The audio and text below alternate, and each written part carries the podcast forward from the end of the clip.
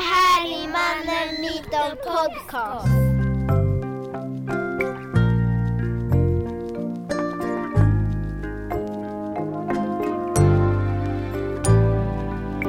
Det här är Mannen Myten Podcast. En serie som totalt nördar in sig i manlighet. Är den manliga Terminator-arketypen bara en myt? Och i så fall, hur förhåller sig olika grupper av män till den? I den här podden lyssnar vi på mäns berättelser. Med hjälp av de smartaste tänkarna vrider och vänder vi på mäns erfarenheter och försöker förstå sambandet mellan det personliga och det strukturella. Målet är att hitta nya perspektiv så att vi kan komma framåt och förändra manligheten till det bättre för fler.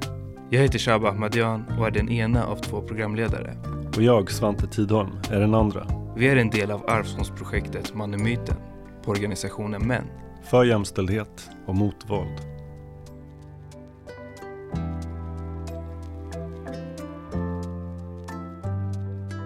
Jag minns en kväll för snart två år sedan då en vän till mig bad mig komma över till en gemensam bekant. Jag jobbade då precis som nu med manlighetsnormer. Och jag hade gått ensam med massa funderingar kring varför vi pratade om manlighetsnormer, makt och privilegier som någonting fast. Som en universell lag som gäller i alla sammanhang. Och hur säger man det utan att säga men inte alla män? Vi satt runt köksbordet och började prata manlighet. Om hur vi män måste ransaka oss själva när det gäller hur vi ser på kvinnor. Och plötsligt där och då droppade jag frågan som jag gått och burit på för mig själv. Kan vi ens vara en del av patriarkala strukturer i helvita sammanhang? Välkommen till Mannen Myten Podcast. Mitt namn är Shahab Ahmadian och idag pratar vi om manlighet och vithetsnorm. Ibland är den självklaraste gästen även den bästa. Demokratiagenten Barakat Jebra... Förlåt.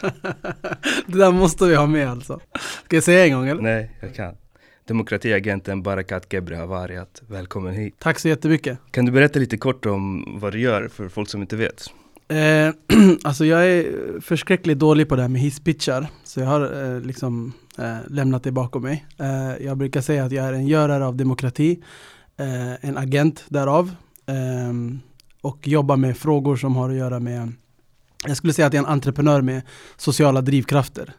Eh, och arbetar med frågor som har att göra med kommunikation, inkludering, normkritik, eh, olika typer av normer. Mm, och eh, men försöker att arbeta med demokratifrågor utifrån olika perspektiv egentligen. Cool. Om vi liksom återkopplar till inledningen så var det ju hemma hos dig vi satt den där kvällen.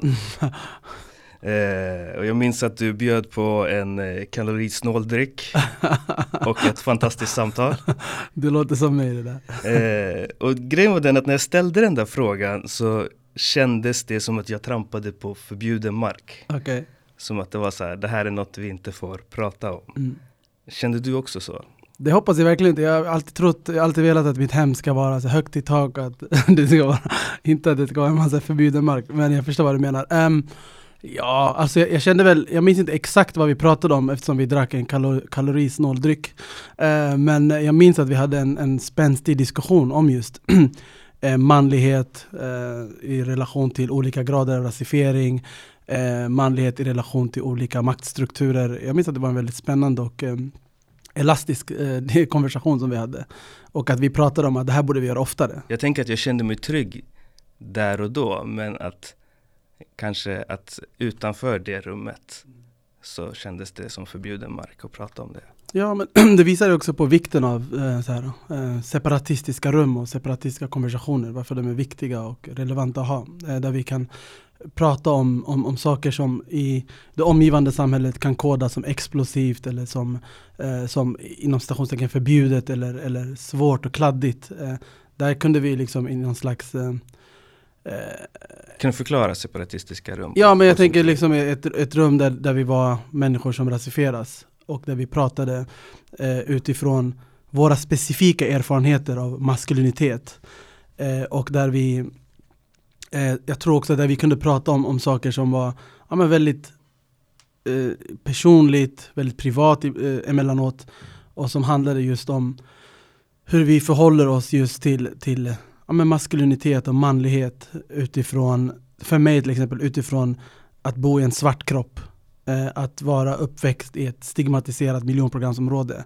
Eh, att prata om hur vi reproducerade så här macho en machokultur när vi växte upp och hur det, om vi skulle prata om det i, i inom stationstecken vita rum, eh, lätt kan kodas på ett, på ett sätt där, där vi liksom där vi, där vi eh, stigmatiseras som, som avvikande, annorlunda och kanske mer, mer sexistiska. Det jag tänker är väl att eh, det krävdes ett tryggt rum för att vi skulle kunna prata om det och att i, i mina sammanhang där jag jobbar med de här frågorna inte känt mig trygg att prata så som vi pratade. Mm. För det, det kanske finns en oförståelse och i den oförståelsen så finns det lätt ett, en form av dömande också. Mm. Så, så det, det, är det jag tänker lite också att, att vi har det här samtalet idag här i poddstudio. Det betyder att vi har lyft det från det trygga rummet. Vad är, vad är processen däremellan? De här tvåårsprocessen. Är det liksom en inre process hos oss eller har det hänt något där ute i samhället också? Det är, en, det är en jättebra fråga. Jag känner mig personligen tryggare att göra det men jag har också tvingat mig själv att eh, ta eh, som en person som oftast omtalas som förebild. Jag vet att jag har en stor plattform, jag vet att jag har eh, inflytande, jag vet att jag har kanaler där jag kan påverka. Så jag känner också att det är mitt ett ansvar som jag sakteligen vill, vill ta, som jag är beredd att göra. Med tanke på också de frågorna som jag driver och jobbar, jobbar med. Alltså när jag eh, föreläser i, ja, men i stängda rum, det blir ofta stängda rum, då pratar jag oftast om min relation till maskulinitet, jag pratar om eh, mina manlighetsprivilegier. Jag har liksom med åren blivit bättre på att göra det.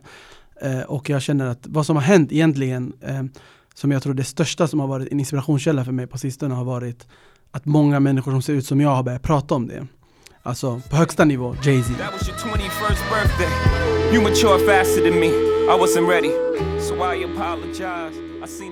Eh, när han släppte 444 eh, och eh, hade de här korta små videos där han problematiserade svart maskulinitet, han pratade om vår eh, inprogrammerade oförmåga att, att, att kunna prata och hantera känslor.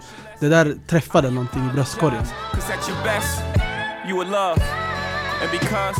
Sen, alltså ännu närmare profiler som Mohammed El Abed till exempel som jag tycker har varit djupt inspirerande när han har varit ute och pratat om just vad det innebär att vara man, vad det innebär att, eh, att kunna våga vara sårbar. Eh, Sådana saker har inspirerat mig. Det finns massvis med, med människor som rasifieras, eh, snubbar eh, i Sverige som killkodade människor ska sägas. Som, som pratar om manlighet. Sen du och jag hade det här, sen vi, vi var väl ett par stycken, hade den här konversationen. Och det har lyft mig, så jag har blivit inspirerad av andra som ser ut som jag, som har liknande erfarenheter. Därmed inte sagt att jag inte har varit inspirerad tidigare eller att, eh, att, här, att jag har missat maskulinitetsdebatten tidigare utan jag, jag, har, jag har tagit till mig under en långsam resa men på sistone har just det här hänt. Det är vad jag har sett. Men tror du att det handlar om att kunna äga frågan själv? Att eh, inte längre vara med på frågan på andras villkor?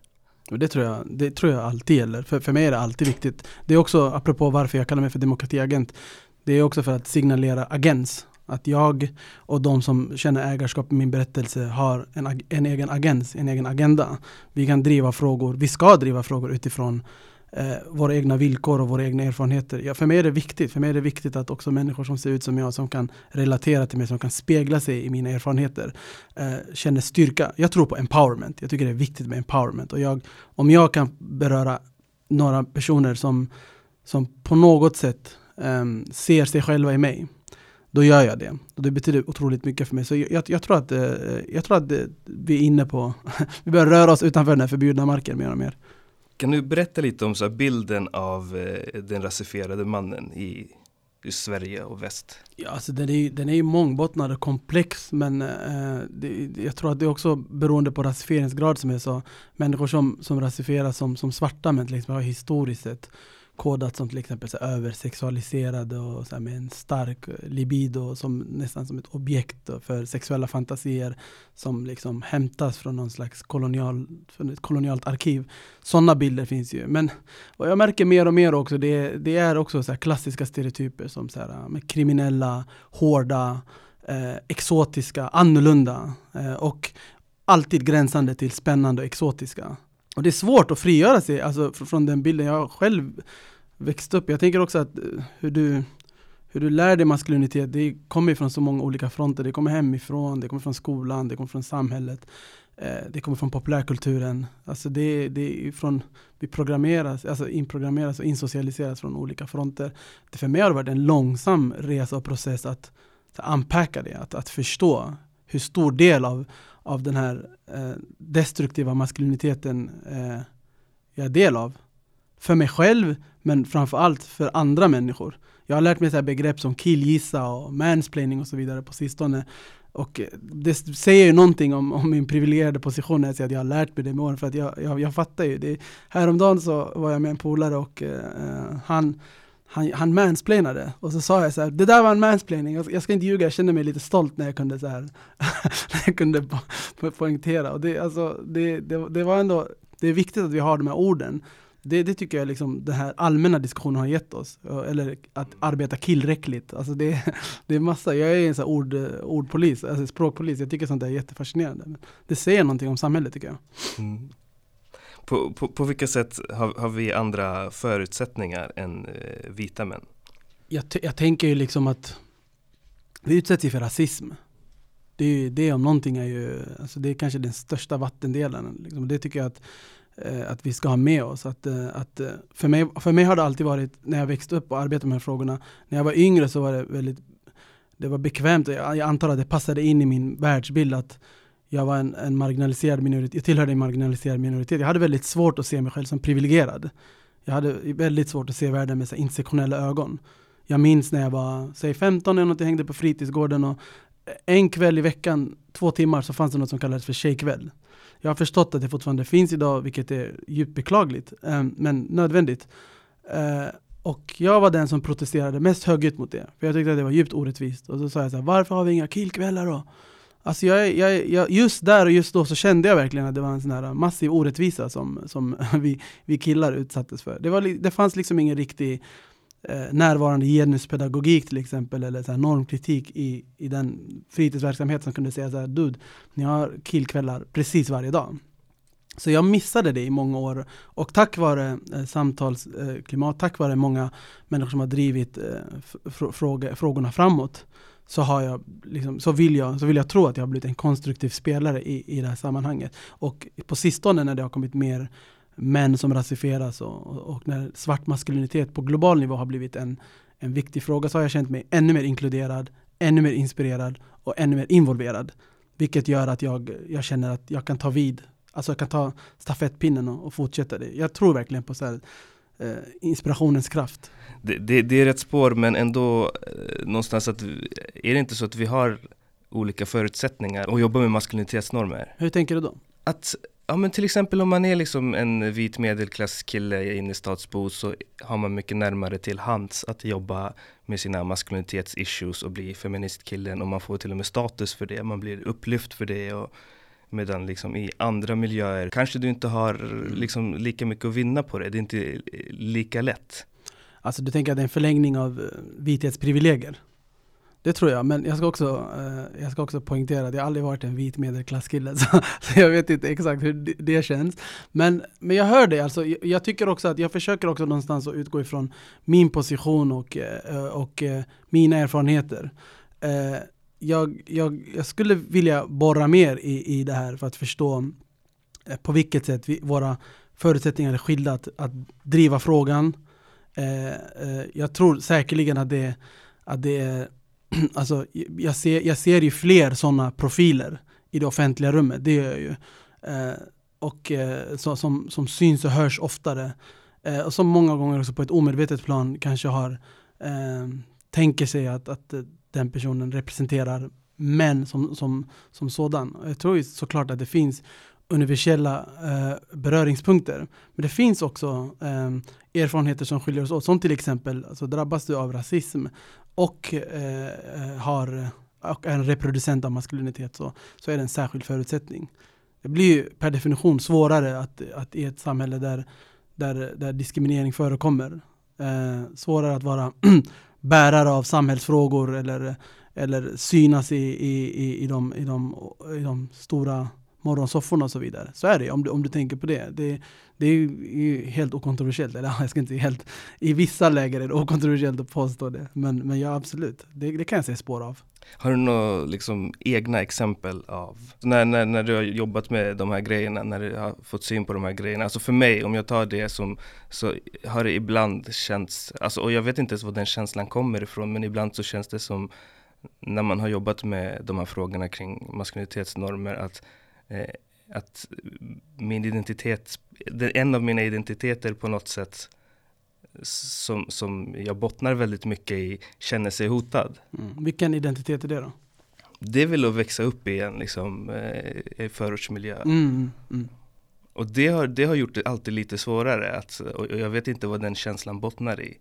Eh, men men det, det, har gjort att jag liksom mm, när man hamnar i sådana här rum känner så här, men, oh, jag är inte en av er. Mm. Att, och, och man ryggar tillbaka. Precis. Men det där är intressant, det, det där minns jag att vi pratade om också, det är så här också, vart går gränsen mellan eh, våra känslor av att inte tillhöra och så här, aktiva eh, diskriminerande handlingar. Jag menar, bägge existerar i allra högsta grad.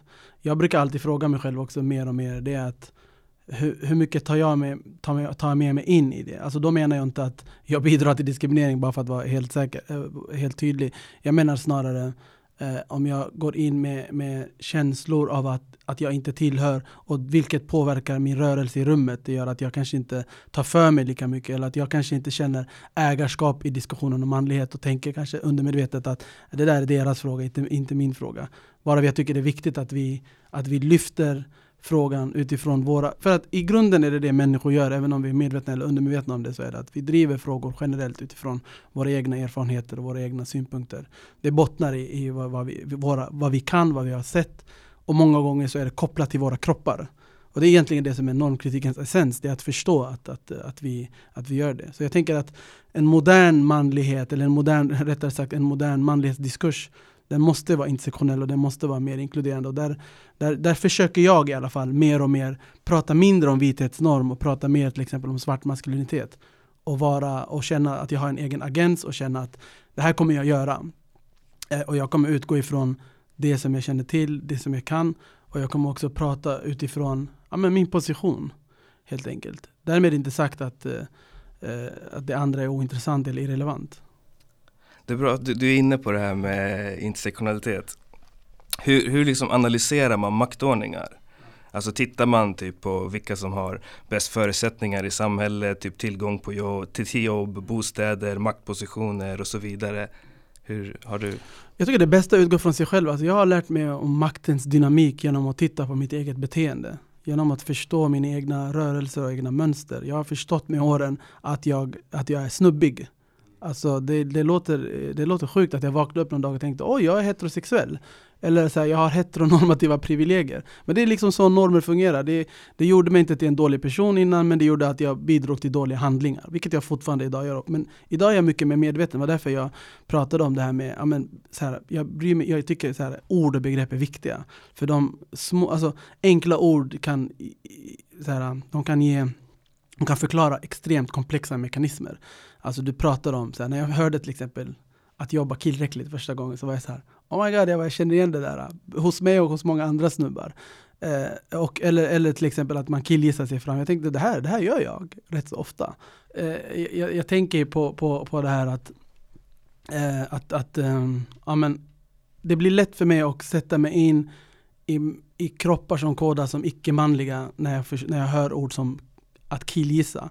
Alltså det vill säga att man har någon slags eh, man har någon slags, eh, som, som snubbe, jag tror vi rör oss med en mer självklar, med en större självklarhet i rummet och, eh, och, och känner att, att vi kan, ja men vi, vi bara påstår saker som vi inte egentligen har belägg för eller, eller fakta eller eller vi, så vi är djupt övertygade om att vi har rätt helt enkelt. Och, alltså, jag, jag bara, sån, den typen av ord hjälper mig att förstå mitt eget beteende. Alltså man kan ju prata sådär om andra, bärare av, eh, andra människor som är bärare av norm, normativitet också. Till exempel whitesplaining kan man också prata om som är en liknande drag. Det kommer in människor som, som inte rasifieras, som inte utsätts för rasism och så går du in i rummet och säger så här, ja men det där är inte rasism, låt mig berätta för dig vad rasism egentligen är. Alltså, jag kan se, jag, jag har gjort de här sakerna som, som man. Och allra säkerligen också som, som heterosexuell, att jag har tänkt såhär, det där är väl inte homofobiskt.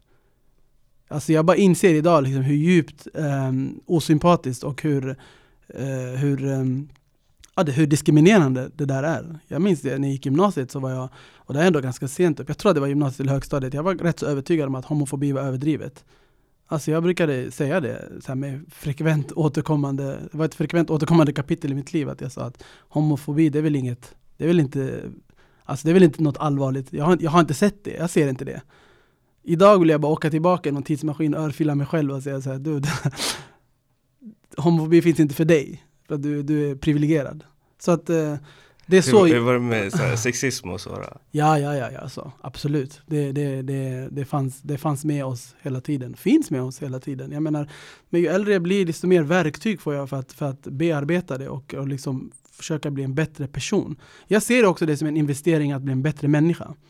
Jag tror att det är därför jag försöker utgå väldigt mycket från mig själv. Det är så här att, hur blir du en, en bättre person? Jag, jag, vill inte vara en, en, jag vill inte vara en barbar. Alltså jag vill inte gå runt och, och så här, avskräcka människor från att säga vad de vill. Jag vill inte stänga dörrar, jag vill inte bygga exkluderande plattformar. Jag, jag, det, jag vill inte det. Så att, då måste jag se till att mitt, mitt, um, min analys och mitt beteende och, de matchar varandra. Eller mina värderingar med beteende rättare sagt. Okej, okay, men om vi pratar om så maktordningar. Mm. Kan vi då till exempel så här hävda att den icke-vita mannen är under den vita kvinnan? alltså jag tror inte att det är så matematiskt och statiskt men jag tror att vi kan, vi kan hävda att det finns sådana mönster och sådana och såna tendenser. Det tror jag att vi kan det tror jag att eh, det, det, har jag, men det har jag märkt också att många som, som, eh, som är feminister och som, som, eller som, som pratar om feminism och vithet och så vidare. Det, det där problematiseras ju hela tiden. Det, det är väl inte det, det, är väl inte något kontroversiellt att säga, men alltså om vi ska se det intersektionellt så är det också i vissa situationer så är jag bärare av eh, av, alltså jag lånar väldigt mycket från feministisk teori. Jag, jag lånar till exempel det här begreppet navigation by fear. Eh, som jag vet att man använder inom feminister, vilket egentligen är att man navigeras av rädsla. Vi undviker eh, vissa rum och platser och tider eh, av rädslan för att utsättas för till exempel sexualiserat våld. Eh, vi vet ju också till exempel av forskning att ofta så är det inte i, i mörka eh, på mörka platser i skogen det här händer. Men det, det säger ändå någonting om vårt samhälle, att vi, att vi är, det finns så mycket diskriminering och så. Att, alltså det, och att vi undviker vissa rum helt enkelt. Det säger någonting om vårt samhälle. Jag har lånat det där för att berätta om till exempel hur människor som är rasifierade, hur jag själv har undvikit vissa rum med rädsla för att bli utsatt för diskriminering. Det kan vara alltifrån seminarier till fester där jag vetat att det som du var inne på innan, där det kommer finnas en, en det kanske till exempel är eh, där jag kommer vara den enda som kodas som annorlunda eller den enda som är icke-vit i rummet, den enda som är rasifierad. Eh, och det kommer att skapa någon form av rädsla, gör att jag undviker de här rummen. Nu har jag jobbat mycket med det, det var det lite jag var inne på innan när jag sa att nu försöker jag gå in och bara köra mitt race oavsett. Det, det är spännande just nu att luska i de här frågorna men samtidigt är det också farligt att fastna i dem och tänka, liksom gå in i någon form av så här offerskap. Mm. För att då kanske vi liksom ursäktar vårt beteende ibland eller mm. ursäktar eller bortser våra mansprivilegier. Absolut. Det tror jag att jag gjorde när jag var som sagt när jag var yngre. Och det var, det var verkligen, jag hade svårt att se mig själv som en, som en dominerande part. Jag hade svårt att se till exempel mina relationer i, i förhållande till, till svarta kvinnor eller till kvinnor som rasifierat. Jag hade svårt att se att jag hade strukturella privilegier Eh, och att jag hade svårt att se att jag eh, premierades utifrån, ja, men utifrån mina penisprivilegier egentligen. Att jag, att, jag fick, att jag var en del av en, av en, av en, manlig, av en maskulinitetsnorm som är destruktiv för, mitt eget, för min egen utveckling och som är destruktiv för min omgivning. Det tog liksom ett tag och där, där tänker jag liksom att jag vill gärna vara en del av den här nya vågen och ta ett ansvar och, och prata om det. Samtidigt som vi problematiserar vithetsnorm, samtidigt som vi problematiserar eh, eh, liksom hur våra styrelser ser ut som liksom allt för oftast domineras av vita medelålders eh, män. Eh, och att det, det, det, det behöver problematiseras. Eh, eller jag ska säga människor som är bärare av vithet ska jag säga så att jag inte får Twitter eller Timbro på mig. Det är inget okay, essentialistiskt, det är inte biologi, vi pratar om sociala konstruktioner. Hur, just den dubbelheten, ja. hur förhåller du dig till det? Att liksom både vara man i ett patriarkat och samtidigt liksom icke-vit i en vithetsnorm? Alltså, jag förhåller mig till det och grejen är den att i början så är det kletigt och kladdigt och krångligt. Men eh, efter ett tag så har jag i alla fall insett att det gör mig till en bättre person. Det gör att jag blir mer empatisk. Det gör att jag eh, lättare kan få syn på ett, ett eget problematiskt beteende. Det gör att jag kan vara öppen för, jag kallar inte det för kritik längre, jag har förbjudit K-ordet, jag kallar det för feedback och information. Jag får feedback och information, men jag har också lärt mig att jag tillhör eh, så här, Eh, utifrån funktionsvariation så har jag också lärt mig att jag har alltså, massa mer privilegier utifrån det också, som jag inte tänker på. Och det är det jag har lärt mig också, att bara för att jag inte tänker på det betyder inte att det inte finns. Det är liksom en sån här normkritisk övning eh, vi får göra med oss själva. Så för mig har det bara varit positivt. Alltså det gör att jag eh, kan sitta i ett rum eh, fullt av beslutsfattare. Det gör att jag kan säga, jag tycker att vi ska ha med det här perspektivet. Jag är inte, eh, jag har inte tolkningsföreträde för det. Jag, är inte, jag har inte de erfarenheterna. Men vad jag kan säga är att vi borde ta in det här. Har vi tänkt, alltså jag kan tänka på så enkla saker som ändå kan betyda mycket. Typ jag går in i ett rum så kan jag tänka på att ah, här finns ingen ramp. Kan jag tänka, det här var inte särskilt tillgängligt. Alltså jag har lärt mig det med åren genom att jag har varit eh, mer engagerad i, i, konversationen utanför min egen kropp. Men när jag var yngre, jag vet inte om det hade att göra med ålder eller om det hade att göra med miljön jag växte upp i, det är säkert en kombination, så hade jag inte de verktygen. Jag, jag hade svårt att se utanför min, min, mitt eget, um, alltså min egen problembild kan man säga. Jag utgick ifrån en person som diskrimineras på grund av att jag bor i en svart kropp, för att jag bor i, i Tensta och för att jag på olika sätt, ja men liksom arbetarklassbarn, alla de här grejerna. Jag, jag lärde mig tidigt att förstå att det där var till min nackdel många gånger. Ja, jag känner igen mig så hårt det där. ja. Men jag hade exakt samma. Alltså grejen är den att jag, jag minns ungefär när jag slutade, alltså bli, när jag slutade bli kränkt av att få liksom mm. kritik. Ja. Att det var någonstans runt när jag var kanske så 26, någonstans där började jag förstå så här, men vänta jag ska vara tacksam. Det här är en möjlighet för mig att utvecklas. Absolut. Plus att det är en möjlighet mellan den här människan som ger mig den här feedbacken och mig att utveckla våran relation. Mm. Absolut. Alltså, om du kommer till mig och säger så här, du det där du gjorde, har du tänkt på det här? Mm. Och jag kan, det finns olika sätt jag kan reagera på det. Men om jag reagerar på att det, det hade jag inte tänkt på, jag ska ta med mig det i framtiden. Då landar det ju bättre både hos dig och mig. Liksom. Absolut, och jag tror att nyckeln är respons och reaktion. Jag tror verkligen det är de två nycklarna. Det är hur vi reagerar på situationer. Och det här också, jag ska också tydligt markera när jag ser hur vi reagerar. Alltså det är inte, vi är inte offer i det mesta. Allting handlar om perspektiv och proportioner. Alltså jag är inte offer för att någon säger att jag mansplainar eller, eller att jag killgissar. För det gör jag. Jag försöker bli bättre på det. Och jag vet att det har implikationer för, för jämlikheten och jämställdheten. Jag vet att mitt beteende som individ, det går att kopplas med tusentals, alltså hundratusentals individer som beter sig likadant. Eftersom jag eh, upplever att jag har blivit mer öppen och mindre kränkt, så förväntar jag mig många gånger att and, eh, resten, alltså att jag kan ganska prata frikostigt om vithet och, och sådana saker. Det, det, det, funkar ju inte alla gånger. Hos vissa gör det det, hos vissa gör det inte det. Men jag menar bara att det är just den känslan, det, det är en känsla av frihet för mig, att förstå att det här är inte folk som vill dig illa eller ta ifrån dig någonting. Det är egentligen människor som adderar till, till, till, till, till det, det, är en addic, alltså det är en jag tänkte addiction. Det är en addering, det är ett plus. Att vi, att vi får lära oss och förstå hur andra människor från andra erfarenheter och andra kroppar har det. Jag lär mig otroligt mycket av det här, den här konversationen som vi har idag, som är levande och dynamisk och som pågår ständigt. Jag vill vara en konstruktiv part i den konversationen. Men den här killgissningen, är den liksom är den, är den eh, i samma grad i alla rum eller är det olika? förstår du? Det killgissas mer i vita rum eller? Nej, nej, nej, jag menar alltså så här, av, på, vilka, alltså så här, för jag tänkte så här, vi går tillbaka till frågan jag hade från ja, början, absolut. den absolut första frågan, ja. så här, om vi kan vara en del av patriarkala strukturer i helvita rum. Eh, ja, absolut kan vi det. Alltså om, om, om, om det är ja eller nej svar på det där så, så är det ett ja. Det är aldrig ett ja eller nej, nej svar. Exakt. Den, den, är väldigt komplicerad. Den frågan. är väldigt komplicerad men, men, men, men det tror jag. Alltså, och för mig, alltså, för mig är det all kunskapsinlärning tycker jag är empowering, bemäktigande. Jag tänker på, nu har jag pratat, nu har, jag pratat väldigt mycket om ord och begrepp och formuleringar eftersom jag är kommunikatör i grunden och tycker sånt där är jättespännande. Men jag ska också prata om att det handlar om alltså, materiella, alltså det handlar också om materiella effekter. Alltså, under hela den här vågen till exempel, så har det varit en enorm kunskapsinlärning för mig. Jag har, jag tror nog för första gången eh, förstått innebörden av våldtäktskultur på, alltså, jag, jag, jag skulle ändå vilja tro att jag är en, alltså jag har ju läst teorier och jag är väldigt inläst alltså på intellektuellt och teoretiskt plan. Vilket jag ibland får för mycket cred för. Jag var på en dejt häromdagen eh, och eh, fick, fick höra liksom så här, Gud vad du kan och så här, Det var lätt att, alltså det manliga egot göddes eh, lite grann där. Och jag bara kände så här, men det brösttonerna, jag var så här, ah, jo, jo, jo. Men sen var jag ändå tvungen att lägga in en brasklapp och säga så här, ja, jag, jag, kan väldigt mycket men det gör mig inte på något sätt immun eller vaccinerad ifrån sexistiskt beteende eller patriarkalt Eh, patriarkala värderingar. Det är någonting som vi måste jobba på hela tiden. Så till exempel där, jag såg att många bara, det har ju varit olika responser till det här. Många, det var en, hög nivå av kränkthet, får, man väl säga, från, manligt håll specifikt.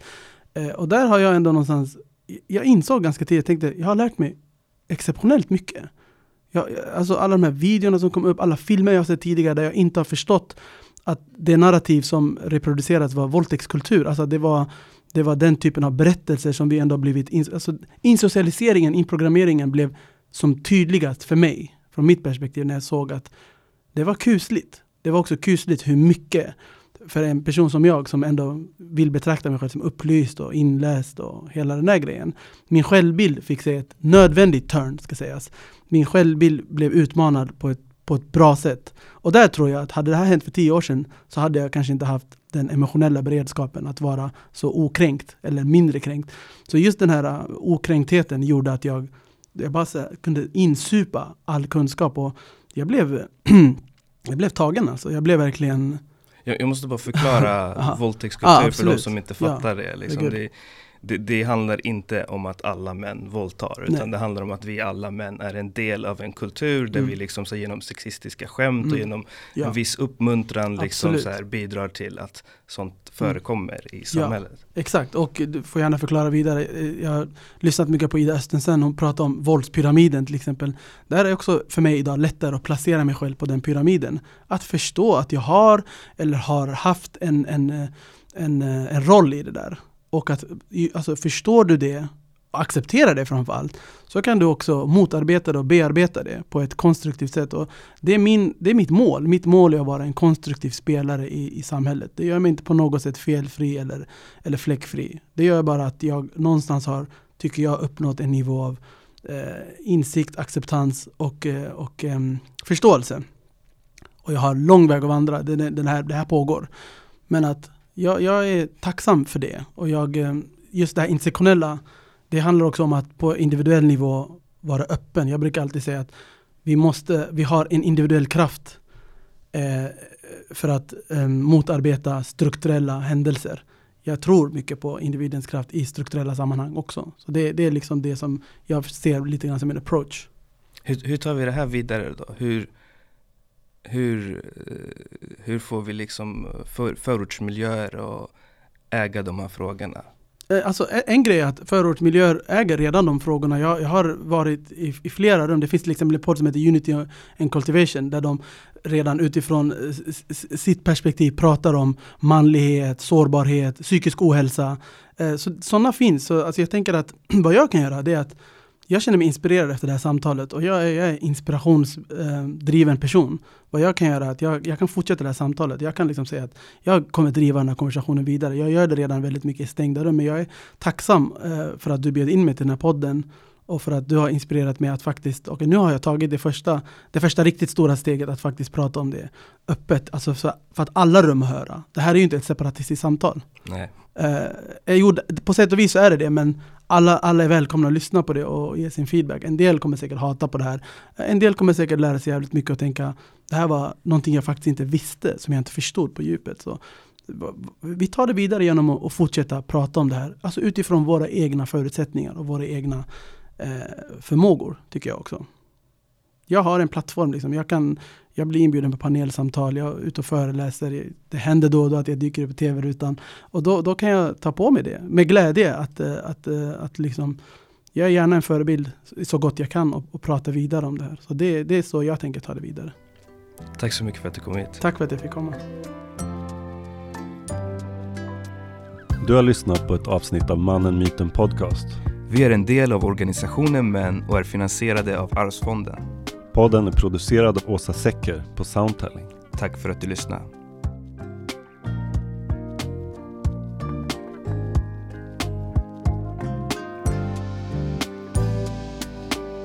Tack, Tack för att ni har lyssnat. Hej då! Hej då!